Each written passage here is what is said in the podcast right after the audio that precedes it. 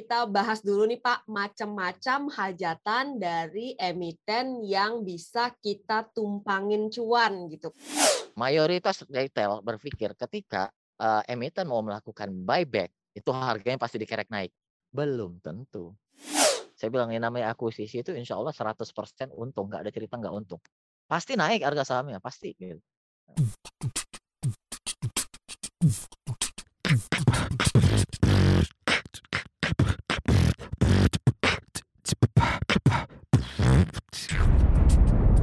Cuap-cuap cuan. Halo Sobat Cuan, ketemu lagi bersama saya Alim Wiratmaja dalam Cuap-Cuap Cuan podcastnya CNBC Indonesia yang bisa kalian dengerin di Spotify, Apple Podcast, dan juga Google Podcast. Hari ini kita bakalan ngebahas tema yang menarik banget, yaitu cari peluang cuan dari emiten-emiten yang mau ada hajatan. Hajatan apa nih? Langsung saja kita bakalan ngobrol dengan Urai Juta Bramti Sandika, founder sekaligus analis dari 4D Analysis Group. Oke, langsung saja. Uh, Pak Juta, sebenarnya apa sih yang dimaksud kita cari peluang atau trading di saham-saham yang ada hajatan? Oke, jadi uh, cari peluang atau kita mencari cuan ya, cari cuan di saham-saham yang hajatan itu adalah di mana kita bisa menganalisa kira-kira apa kepentingan dari si emiten ini gitu kan atau apa kepentingan dari big money pada saat hajatan ini yang bisa kita tumpangi sehingga kita bisa mendapatkan keuntungan dari situ gitu. Yang penting analisa kita ini benar apa enggak, jalan apa enggak. Jadi yang penting itu analisanya dan numpang dapat big money-nya itu dari cuannya. Cuannya itu numpang dapat dari big money-nya bukan dari rebut-rebutan dari yang lain seperti itulah Bu Alin kira-kira. Oke, jadi uh, analisa nah, kepentingan boleh dikatakan demikian ya Pak? Iya, analisa kepentingan dari si emitennya itu sendiri. Apa tujuan mereka, apa maksud dan tujuan mereka untuk mengeluarkan biaya yang kecil ya, yang kecil seperti itu untuk mengkerek harga saham bisa jadi juga menurunkan harga sahamnya ke bawah. Yang penting kita benar analisanya dan ketika mereka yang cukup besar pada saham-saham yang lagi hajatan ini, Bu Ali apa motifnya sih Pak kalau selama ini tuh kan kita udah paham lah ya kalau misalnya emiten atau ada pihak-pihak yang berkepentingan untuk menaikkan harga saham tertentu. Kalau untuk menurunkan ini kita jarang-jarang dengar nih Pak. Sebenarnya ada motif apa kalau misalnya ada yang berkepentingan untuk menurunkan harga sebuah saham? Nah, itu motifnya seperti ini Bu Alin. Mungkin Bu Alin pernah dengar yang namanya penambahan modal tanpa hak memesan efek terlebih dahulu alias private placement. Nah, iya private placement itu kan kalau misalnya orang mau uh, menanamkan modalnya kayak gitu, mereka maunya modalnya sedikit-sedikitnya atau sebanyak-banyak ya? Sesedikit mungkin Sesedikit kan kalau bisa kan. tapi dapatnya banyak. Nah, betul kan itu udah hukum ekonomi kan. Nah, aturan OJK menyatakan bahwa private placement itu diukur dari rata-rata pergerakan harga 90 hari terakhir. Benar toh di bursa sebelum pernyataan efektif berlangsung. Nah, kalau gimana caranya mereka supaya dapat private placement ini harganya murah? Ya turunin aja harga sahamnya tuh. Jadi harga rata-rata 90 hari terakhirnya turun. Dapat mereka barang murah, udah mereka dapat barang di harga bawah baru mereka terbangin, bener gak? Nah, betul. Nah, gitu. Itu contohnya satu itu private placement. Mm. Terus yang kedua misalnya ada yang mau backdoor listing, ada yang mau backdoor listing mau mengambil alih suatu perusahaan terbuka melalui jalur belakang. Dari mereka daripada mereka lewat IPO kan mahal tuh, terus prosesnya lama kan. Jauh lebih gampang backdoor listing loh. Nah, kalau hmm. backdoor listing, mereka mau murah atau mau mahal? Mau murah. murah. Caranya murah gimana? Turunin dulu harga sahamnya. Habis backdoornya listingnya kelar, harga sahamnya ke langit sesuai harga valuasinya. Seperti itu, Bu. Nah, sekarang perhatikan aja. Setiap kali terjadi private placement, biasanya itu harga saham ditekan. Selesai private placement, harga sahamnya naik dan pasti, bukan pasti ya, sorry, hanya hanya hanya Allah yang bilang pasti dan mayoritas dari setelah selesai private placement itu harga sahamnya langsung naik. Kenapa? Kenapa? Udah ada modal baru yang masuk dan pemodal baru ini nggak mungkin mau rugi. Benar loh, seperti Betul. itu. Oke, kita bahas dulu nih Pak, macam-macam hajatan dari emiten yang bisa kita tumpangin cuan gitu Pak. Tadi udah ada private placement, kemudian backdoor listing, hmm. apalagi nih Pak Juta? Hajatan ini Bu, hampir semua hajatan itu bisa kita tumpangi untuk dapat cuan. Hampir semua. Mau itu bisa dibilang pembagian dividen, uh, right issue, uh, stock split kayak gitu, reverse stock, bahkan reverse stock itu kita bisa dapat cuan. yang selalu dihindari kan reverse stock itu bisa dapat cuan juga. Termasuklah dividen dividen saham, terus termasuk akuisisi, merger dan yang lain-lain kan banyak banget nih corporate action kan. Hampir semuanya itu kita bisa dapat cuan asalkan timing masuknya benar. Nah, timingnya gimana nih Pak? Soalnya kan Nah, misalnya nih heeh, ada berita heeh, nih, sebuah rumah heeh. sakit akan mengakuisisi rumah sakit lain. Retail itu pada beli kan Pak, eh ternyata turun gitu. Nah, kapan sih timingnya nih gimana nih Pak untuk tiap-tiap hajatan ini apakah timingnya beda? Nah, jadi betul Bu, setiap hajatan ini timingnya beda. Sebagai contoh misalnya ya, eh, right issue yang untuk mendapatkan saham. Maksudnya ada modal baru yang ingin menambah modal dan mereka ingin mendapatkan sahamnya. Sebagai contoh itu seperti yang baru-baru ini adalah Chandra Asri Petrochemical ya, TPIA. TPIA.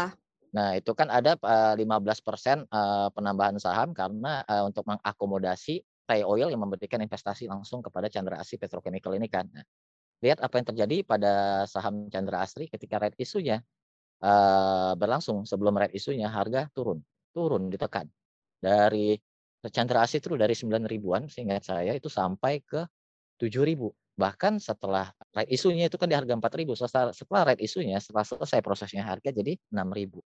Nah, ketika suatu emiten ini mengeluarkan eh, hajatan untuk menambah pemodal baru, itu biasanya harganya ditekan. Nah, setelah itu lihat apa yang terjadi pada harga Canda Asri dari 6 ribuan ke 7.400. Bu. Paham kan? Oke. Kita masuk setelah prosesnya kelar. Nah, kalau untuk emiten yang membutuhkan uang, yang misalnya kayak mereka memerlukan uang untuk membayar hutang, mereka right issue untuk membayar hutang misalnya, atau mereka right issue untuk meningkatkan modal di setornya seperti itu.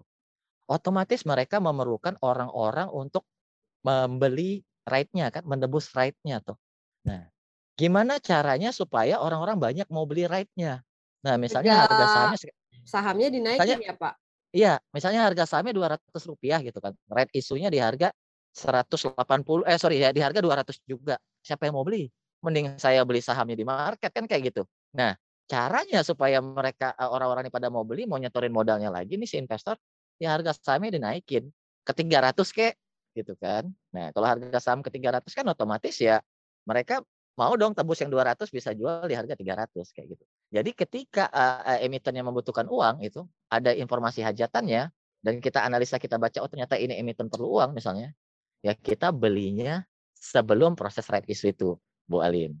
Nah makanya ini timing is very important untuk Timing is everything ya mungkin buat para Iya, para heeh, eh, sobat heeh. cuan ini kita mungkin sering salah masuknya kali ya Pak ya timingnya yang Iya. kurang tepat. Misalnya sama-sama rights issue tapi kok yang ini malah harganya turun terus, tapi yang lain harganya naik gila-gilaan. Gimana nih Pak? Apa Iya. yang perlu kita ketahui? Oke, yang perlu diketahui pertama, yang paling penting di antara semua adalah analisa kepentingannya. Ini orang mau ngapain? Ini si emiten mau ngapain? Jadi sudut pandang kita adalah bukan sudut pandang nih mohon maaf ya, mungkin bahasanya agak nggak enak didengar kata-kata bandar itu kan. Wah, ini orang-orang kan banyak bilang wah bandarmologinya kayak gini, bandarnya mungkin mau gini. Bukan, bukan analisa bandarnya, tetapi analisa kepentingan dari si emitennya sendiri. Emitennya ini mau ngapain? Nah, kalau kita udah tahu, kita tahu emitennya ini tujuannya apa gitu, baru kita tentukan timingnya. Nah, sebagai contoh tadi kan saya kasih sedikit informasi. Ketika red issue, misalnya red issue, misal perlu uang, biasanya di awal sebelum red issue-nya kita beli sahamnya. Tapi ketika red issue untuk menambah Akomodasi investor baru, akomodasi investor baru segala macam itu setelah right isunya baru kita beli. Nah, begitu juga contoh lain nih, contoh lain misalnya selain eh, right issue ya, selain right issue kita analisa kepentingan contohnya buyback. Mayoritas retail berpikir ketika eh, emiten mau melakukan buyback itu harganya pasti dikerek naik. Belum tentu. Belum tentu. Kenapa? Analisa kepentingan emiten ini kita lihat dulu. Satu, misalnya si emiten ini buyback bertujuan karena mereka merasa ini udah murah banget nih gitu harga sahamnya udah murah banget ke depannya bagus mereka bisa jual lagi lebih mahal otomatis apa yang diinginkan oleh emiten mereka pengen harga ketika mereka buyback murah atau mahal murah dong. murah otomatis harga ditekan Hmm. contohnya Tapi Ramayana begitu Lestari beritanya Sentosa. muncul Ah. tuh sukanya kan retail-retail pada HK ya, naik kenceng banget tuh. habis itu nyangkut di atas Iya betul. nah Kecuali kalau kita tahu tujuan buyback-nya itu adalah strategis untuk mengurangi jumlah uh, saham yang ada di bursa misalnya. Kenapa? Karena udah ada pemegang saham pengendali, pemegang saham pengendali di harga bawah. Mereka pengen uh, meningkatkan harganya dengan cepat, otomatis dengan buyback itu mengurangi supply barang yang ada di bursa kan. Nah, Betul. di saat buyback muncul di saat itu kita beli. Tetapi kalau misalnya mereka bertujuan emitennya bertujuan untuk mendapat keuntungan di masa depan, buyback yang harganya pasti ditekan. Sebagai contoh, dua kakak adik, Ramayana dan Matahari Department Store. Ramayana tujuannya adalah mereka tahu eh, fundamental mereka kuat, mereka lebih cash gitu kan. Mereka yakin ke depannya bagus, makanya mereka pengen dapat semurah-murahnya. Padahal dana buyback-nya itu kalau dirata-ratain mereka bisa membeli harga saham sampai di harga 900 per lembar. Tapi kenyataannya adalah harga ditekan bahkan sampai 500-an kemarin. Dan mereka Makanya terus susah banget geraknya lama banget kayaknya ya Rolls gitu. Iya dan Rolls uh, informasinya ya silahkan dihitung dana buyback-nya udah mau habis. Jadi otomatis sebentar lagi harganya ke atas Rolls. Karena kan emitennya nggak mau rugi dong dari buyback di 650-an kayak gitu. Nah, sementara Matahari kebalikannya ada pengendali baru, Aurik Digital, masuk melalui proses uh, voluntary tender offer, tender offer yang tidak wajib di harga 1530. Setelah masuk, mereka jadi pengendali utama untuk meningkatkan harga saham dengan cepat. Caranya gimana? Mengurangi supply. Benar kok. Nah, untuk mengurangi supply market apa dari barang yang ada di pasar ini, kalau pakai duit sendiri sama pakai duit orang lebih enak pakai duit orang atau pakai duit sendiri Mbak Alin? Duit lebih enak pakai duit orang. Jelas. Kalau kayak gitu daripada pakai duitnya si pengendali, lebih bagus pakai duitnya emiten dong. Kebetulan si Matahari kan cashnya masih tebal tuh. Hmm. Dikeluarkanlah buyback. Matahari buyback kan sampai harga 3040 kan. Lihat yang terjadi pada Matahari ketika pengumuman buyback dikeluarkan harganya terbang dari 1700-an sampai 3100-an. Beggar itu, hampir beggar sebentar aja sebulan. Alhamdulillah ya di, di grup kita banyak party dari analisa corporate action doang ini, Mbak. Analisa corporate action ini penting banget berarti untuk kita pahami juga ya. Hmm. Nah, belakangan iya. ini kan banyak emiten yang hmm. terutama perbankan yang butuh untuk meningkatkan modal inti. Nah, peluang apa nih bisa diambil dari uh, perbankan-perbankan yang lagi hajatan rights issue rame-rame nih? Nah, peluangnya adalah sebelum mereka mengeluarkan prospektus right isunya itu Mbak di harga berapa, misalnya strike-nya, harga strike-nya di harga berapa, itu kita udah beli dulu gitu. Nah, jadi sekarang untuk perbankan-perbankan mini yang lagi uh, yang mau red ini, saya pikir momentumnya udah lewat, Mbak. Karena informasinya itu rata-rata udah keluar. Hampir semua perbankan mini itu udah keluar. Mau di harga berapa, mau butuh dana berapa, itu udah keluar. Nah, jadi udah agak udah, udah agak terlambat sih, Mbak, kalau untuk uh, perbankan mini itu gitu. Dan kemudian rights issue kayak Jumbo yang kayak punya BRI itu juga ternyata tidak mengerek harganya juga ya. Apa yang perlu kita pahami nih Pak Juta? Mungkin buat kita yang awam-awam mm -hmm. kita kirain setiap mm -hmm. yang rights issue oh bakalan naik nih gitu. Nah, ini sebenarnya agak sedikit ribet ya kalau saya jelasin agak panjang lebar nih. Cuma mm -hmm. pada intinya adalah yang perlu kita pahami itu pertama analisa kepentingan tadi kan satu. Terus yang kedua timingnya tadi. Nah, yang ketiga ini ke depannya kira-kira gimana? Nah, ini yang harus benar-benar kita pahami. Ke depannya gimana? Apakah masih ada kepentingan di depannya. Sebagai contoh nih BRI tadi kan. BRI ya. dengan bergabungnya Pemodalan Nasional Madani, PNM dan Pegadaian gitu kan. Di mana mereka right isu di harga 3.400. Kira-kira dengan masuknya dua ini kita hitung-hitung pakai valuasi ya. Valuasi fundamental, valuasi uh, arus kas, uh, pertumbuhan ke depan segala macam ini agak ribet lah kalau saya jelasinnya gitu. Tapi pada intinya seperti itu. Masih bagus atau enggak ke depannya pertumbuhan dari uh, si BRI ini. Harusnya masih gitu. bagus. Nah, kalau saya pribadi bilang, saya juga sarankan kepada teman-teman di grup tebus rate isunya. Tetapi bukan berharap kita berharap dalam waktu uh, satu hari dua hari naik. Enggak, enggak. Kita bukan cuma instan ya Pak. Bukan, bukan. Tetapi tunggulah laporan ketika laporan keuangan mereka telah terkonsolidasi. Jadi ketika si PNM sama Pegadaian ini laporannya sudah terkonsolidasi di BRI, dan lihat nanti ternyata benar meningkatkan kinerja. Kalau saya yakin sih benar meningkatkan kinerja. Kenapa? Pegadaian tuh untungnya luar biasa. Ketika diintegrasikan ke BRI, insya Allah itu akan meningkatkan kinerja luar biasa. Nah, marginnya juga gede itu, kayaknya harusnya ya Pak ya. Gede, gede. Nah, nanti ketika laporan keluar itu laporan keuangan itu keluar, mungkin di laporan keuangan uh, tahun depan ya Maret ya kuartal satu itu keluar kan laporan keuangan tahunan itu. Ketika orang ngelihat, wah benar ternyata hasil red isunya bagus bertumbuh, barulah market akan merespon dengan sangat bagus kayak gitu. Oke. Nah, Pak Juta, nih ada juga nih yang partial delisting. Mungkin Sobat Cuan baru Mm-mm. dengar akhir-akhir ini nih. Nah, ini ada Iya. peluang apa kalau kayak gini? Menurut Pak Juta bisa dilirik apa enggak sih kalau partial delisting? Menghilangkan partial- saham yang dimiliki oleh pemilik lama. Oke, jadi kayak gini, eh, Bu Alin. Misalnya Bu Alin ini seorang pemodal gede gitu, punya duit misalnya satu miliar, satu miliar ternyata harga sahamnya selembarnya eh, seribu rupiah, gitu kan? Ada satu juta lembar saham, berarti duit 100 miliar, eh sorry, ada 10 ribu, eh, ada satu ribu lembar saham. Berarti kalau punya duit satu miliar cuma bisa dapat eh, kalau misalnya lembar sahamnya ada satu juta lembar, harga seribu, berarti satu miliar cuma dapat satu juta lembar, bener toh? Betul. Nah, kalau harga sahamnya tetap 1000 gitu, sementara jumlah yang beredar cuma 80.000 misalnya. Mm-mm. Eh sorry 800.000, jadi Mm-mm. otomatis kan jumlah modal yang dikeluarin untuk membeli semua sahamnya jadi sedi- lebih sedikit.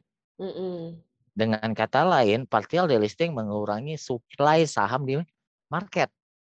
Mengurangi jumlah barang beredar. Harusnya Hukum supply demand membuat supply demand sederhana. terkerek berarti ya Pak harusnya. Iya, supply demand sederhana aja, Bu. Ketika supply-nya berkurang, demand-nya tetap, harga naik. Naik. Apa yang terjadi jika supply berkurang, demand meningkat? Nah, Harga meningkat dengan sangat pesat. betul.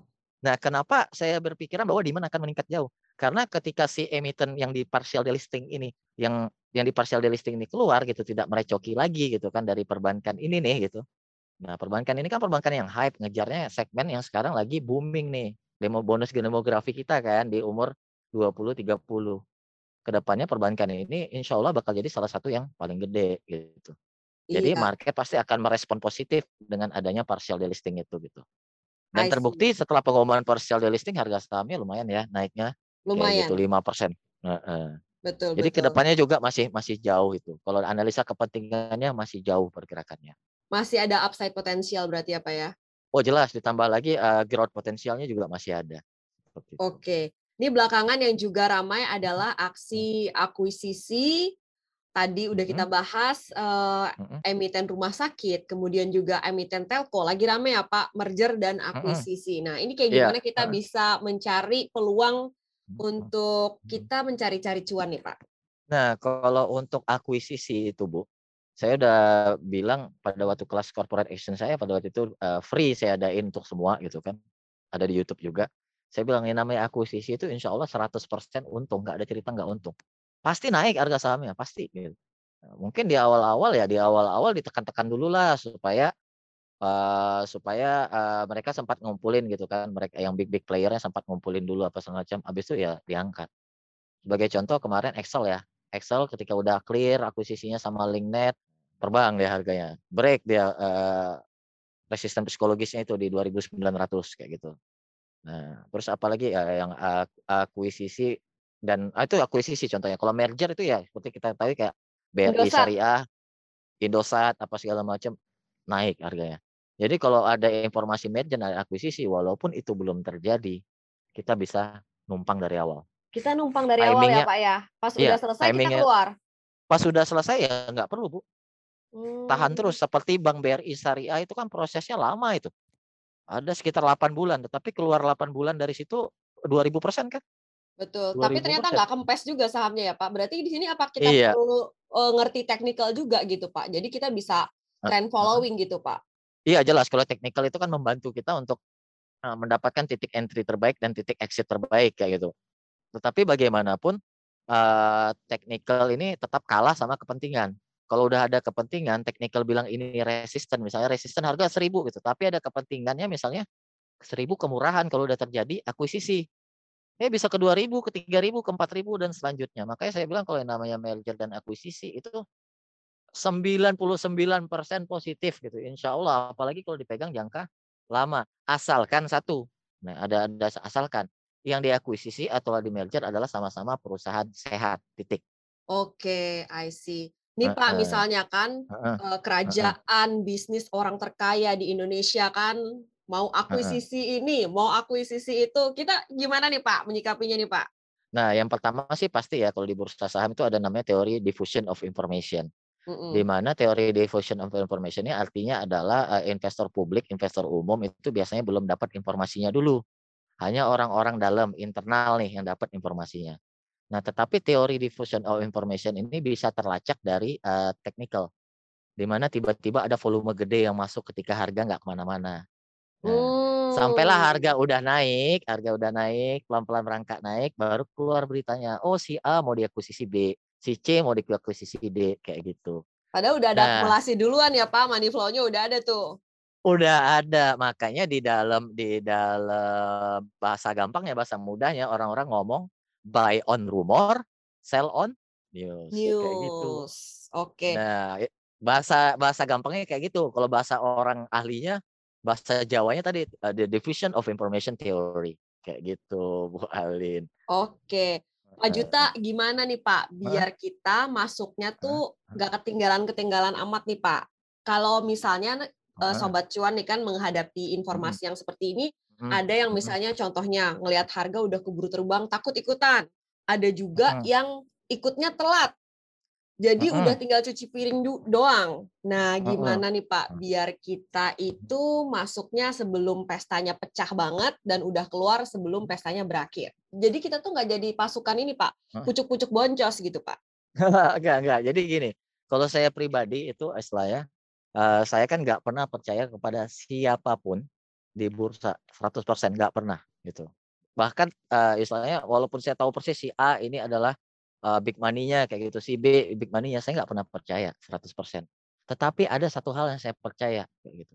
Terserah ini orang mau ngomong apa kayak gitu kan, terserah informasinya atau rumornya mau ngomong apa. Tapi ketika udah kelihatan ada money inflow di dalam chartnya tersebut yang mendorong harga naik sedikit ke atas, di saat itu saya tahu ini efeknya positif. Sebagai contoh satu grup itu kita kemarin party di Hexindo Adi Perkasa. Yang Hexa. mau bagi dividen ya Pak, mantap banget Iya. dividen yield-nya ya. Iya dividen yieldnya mantap banget. Alhamdulillah kita nggak sampai sebulan ya, nggak sampai sebulan gainnya luar biasa. Itu hanya gara-gara chat mengatakan buy. Jadi pada waktu itu kayak teman-teman dari satu grup gitu ya. Ini sebagai, saya beriin informasi ini sebagai mindset juga untuk bagiin mindsetnya. Ya teman-teman satu grup waktu itu saya bilang, ayo silakan kumpulkan emiten-emiten apa yang akan melakukan hajatan yang persentase kita bisa dapat keuntungan itu gede banget. Yang bisa di atas 90%. Semuanya sepakat adalah dividen. Oke. Dan saya bilang, oke kalau gitu kumpulkan apa yang di, di akhir tahun ini akan membagikan dividen interim. Kebagian lah tuh, keluarlah dividen interim apa-apa yang gede-gede. Dapatlah informasi uh, United Tractor, uh, Indo Tambang Raya Megah, Mitra Bara Adi, Adi apa sih MBAP itu Adi Perdana. Terus termasuklah Hexindo Adi Perkasa ini. Nah, ada juga BSSR ya, Bit- uh, BSSR itu apa sih lupa saya Bara Mukti apa itu perusahaan batu bara juga. Nah, banyak kita kumpulin macam-macam. Dan pada waktu itu saya bilang caranya untuk trading di eh, yang untung saya bilang pada waktu itu adalah beli beberapa hari sebelum dia RUPS. Lebih bagus lagi beli pas pengumuman RUPS-nya keluar. Nah, terus teman-teman pada itu nanya, Pak, saya dapat dari mana informasi ini? Gampang. Buka www.idx.co.id slash keterbukaan informasi. Setiap hari diposting tuh panggilan RUPS, panggilan red issue, prospektus ke depan, informasi bantahan misalnya ada rumor-rumor dibantah di situ atau rumor-rumor dibenerin di situ itu setiap hari every single day ada informasi di situ. Nah, dan kita cari-cari dapat waktu itu Hexa RUPS 17 September. Nah, terus teman-teman nanya pada itu, Pak Juta, boleh nih beli? Ya belilah itu udah pasti RUPS saya bilang. Kira-kira berapa dividennya Pak Juta? Ya kita pakai uh, teori korelasi aja. Jadi setiap tahun kan uh, si Hexa membagikan sekitar 80 sampai 90% dari laba bersihnya. Jadi kita panggil rata-rata ya saya bilang ya sesial-sialnya 450 500 rupiah per lembar dapat nih saya bilang. Nah, terus pas habis keluar pengumuman itu besoknya harga Hexa-nya naik 4%. Di harga ditutup di 3.600. Nah, terus saya bilang teman-teman ya udah ayo masuk 35, 36, oke, okay, no problem kayak gitu. 34, 35, 36 no problem sampai 4000 juga masih oke okay, saya bilang. Asalkan sebelum RUPS harganya nggak lebih dari 4000. Saya sampaikan pada waktu itu. Nah, ternyata dua hari sebelum RUPS harganya udah nyentuh 4000 dan saya bilang teman-teman oke okay, stop kita stop beli. Stop beli, tunggu RUPS ya. Setidaknya kita udah ada margin of safety toh. Jadi pas Betul. pengumuman informasinya keluar, Misalnya RUPS menyatakan tidak jadi, turun pun harganya, kita paling balik modal, nggak Mhm. rugi. Mhm mhm. Nah, dan ya puji Tuhan, syukur alhamdulillah informasinya keluar gitu kan, ternyata bagikan dividennya dua kali dari yang satu grup pikirkan. Kita kan mikirkan Rp500, Betul. ternyata Rp1.000 kan, Rp1.069. Wuh, terbang ke Rp5.000. Eee, alhamdulillah gitu kan, semua bilang alhamdulillah, terima kasih kayak gitu, Bu. Betul. Jadi itu ya pantengin terus agenda keterbukaan informasi di situs IDX ya, Pak, ya. Jadi Iya, sebenarnya keuntungan bisa diperoleh da oleh sobat cuan ini dari capital gain ya, Pak, kenaikan harganya. Tapi kita nggak usah nunggu sampai kumdet berarti ya, Pak, ya. Karena biasanya kan terhempas tuh habis itu ya, dividen ya, Pak, ada dividen trap ya, Pak, ya. Iya, jadi gini, eee, kita kan bisa lihat juga dari sejarahnya. Jadi kan kalau di teknikal itu kita bicara ada 3 prinsip teknikal kan, yang nomor 3-nya adalah history repeat itself, sejarah selalu berulang. Nah, maka dari itu kita tinggal lihat di chart-nya kan, da sayangnya sejarahnya Hexindo Adi Perkasa ini selama 5 tahun ke belakang itu selalu dividen trap. Habis Mmm. bagi dividen, besoknya dibanting. Nah, saran saya saran saya pada itu saya bilang, "Teman-teman, 2 hari sebelum date kita keluar." 2 hari sebelum date kita keluar. Kenapa? Biasanya pas come date-nya juga dibanting tuh harganya, udah turun. Walau nggak dibanting ya udah turun kayak gitu. Udah nggak dapat titik maksimal. Jadi 1 hari atau 2 hari sebelum date kita keluar. Terus teman-teman bilang, "Pak, udah Rp5.000-an ini keluar sekarang juga nggak apa-apa sih," katanya, "udah 30-an persen, alhamdulillah." Ya udah silakan saya bilang kalau merasa cukup. Gitu. Secukupnya ya, Pak, cuannya. Heeh, secukupnya, kayak Pak gitu. Juta, ini kita sudah mau Heeh, habis, waktunya boleh kasih pesan-pesan untuk sobat cuan bagaimana bisa memanfaatkan peluang dari emiten-emiten yang mau ada hajatan? Eee, yang pertama yang mau saya bagiin itu yang paling penting di antara semua adalah di zaman sekarang ini, siapa yang megang informasi, itu yang dapat keuntungan paling pertama. Oke, mungkin kita bukan, eee, di lingkaran pertama ya, bukan di lingkaran kedua apa segala macam, enggak. Tetapi informasi zaman sekarang begitu gampangnya didapatkan. Nah, maksud saya sebagai, eee, pada sobat cuan semua, cobalah mulai dari sekarang rajin-rajin membaca. Nah, rajin-rajin membaca, rajin itu membaca koran-koran seperti ya maybe Investor Daily, Bisnis Indonesia, Kontan, terus lihat-lihatlah YouTube kayak CNBC kan selalu tuh ada ada rumor perusahaan ini. Nah, ada eee, informasi kira-kira perusahaan ini mau begini. Nah, ketika ada rumor itu dihembuskan, entah itu media ataupun dari mana pun lah, lihat chart-nya. Bener nggak ada money inflow-nya? Bener nggak ada kenaikannya? Kalau benar, ikutanlah. Ikutan mumpung party-nya belum mulai. Nah, jangan party-nya udah mau selesai baru datang, jadi tukang cuci piring. Itu satu, rajin-rajin membaca. Dan yang kedua, jangan 100% percaya juga dari yang kita baca ini, selalu lakukan cek dan recheck. Cek dan recheck-nya tadi dengan, eee, baca di IDX kan keterbukaan informasi. Terus yang kedua, lihat dari, eee, grafik harganya. Misal teman-teman belum ngerti nih cara baca grafik harga, tanyalah kepada orang yang ngerti. Bener nggak ini ada akumulasi? Bener nggak ini ada money inflow-nya? Kayak gitu. Kalau bener, ya udah tinggal ikutin. Dan yang ketiga, jangan lupa berdoa, semoga sesuai harapannya. Karena ada juga kan kejadian kayak gudang garam kan tahun lalu nggak bagi dividen, terus langsung di dibanting kayak gitu. Ada lah yang namanya itu biasanya ada kejadian tidak terduga. Itu aja sih pesan saya, 3 itu, Rezeki seizin Bu Alin. Tuhan ya, Pak Juta. Terima kasih Iya, banyak maka waktunya untuk heeh. cuap-cuap cuan. Sehat selalu. Alhamdulillah sehat selalu juga Bu Alin. Terima kasih telah diundang. Makasih. Iya. Ya itu tadi perbincangan kita dengan Uray Juta Bramti Sandika, founder sekaligus analis dari 4D Analysis Group mengenai peluang cuan dari emiten-emiten yang mau ada hajatan. Semoga bermanfaat ya buat sobat cuan semua. Dengerin terus podcastnya CNBC Indonesia Cuap-Cuap Cuan di Spotify, Apple Podcast, dan juga Google Podcast. Saya Alin Wiratmaju undur diri, sampai jumpa, bye!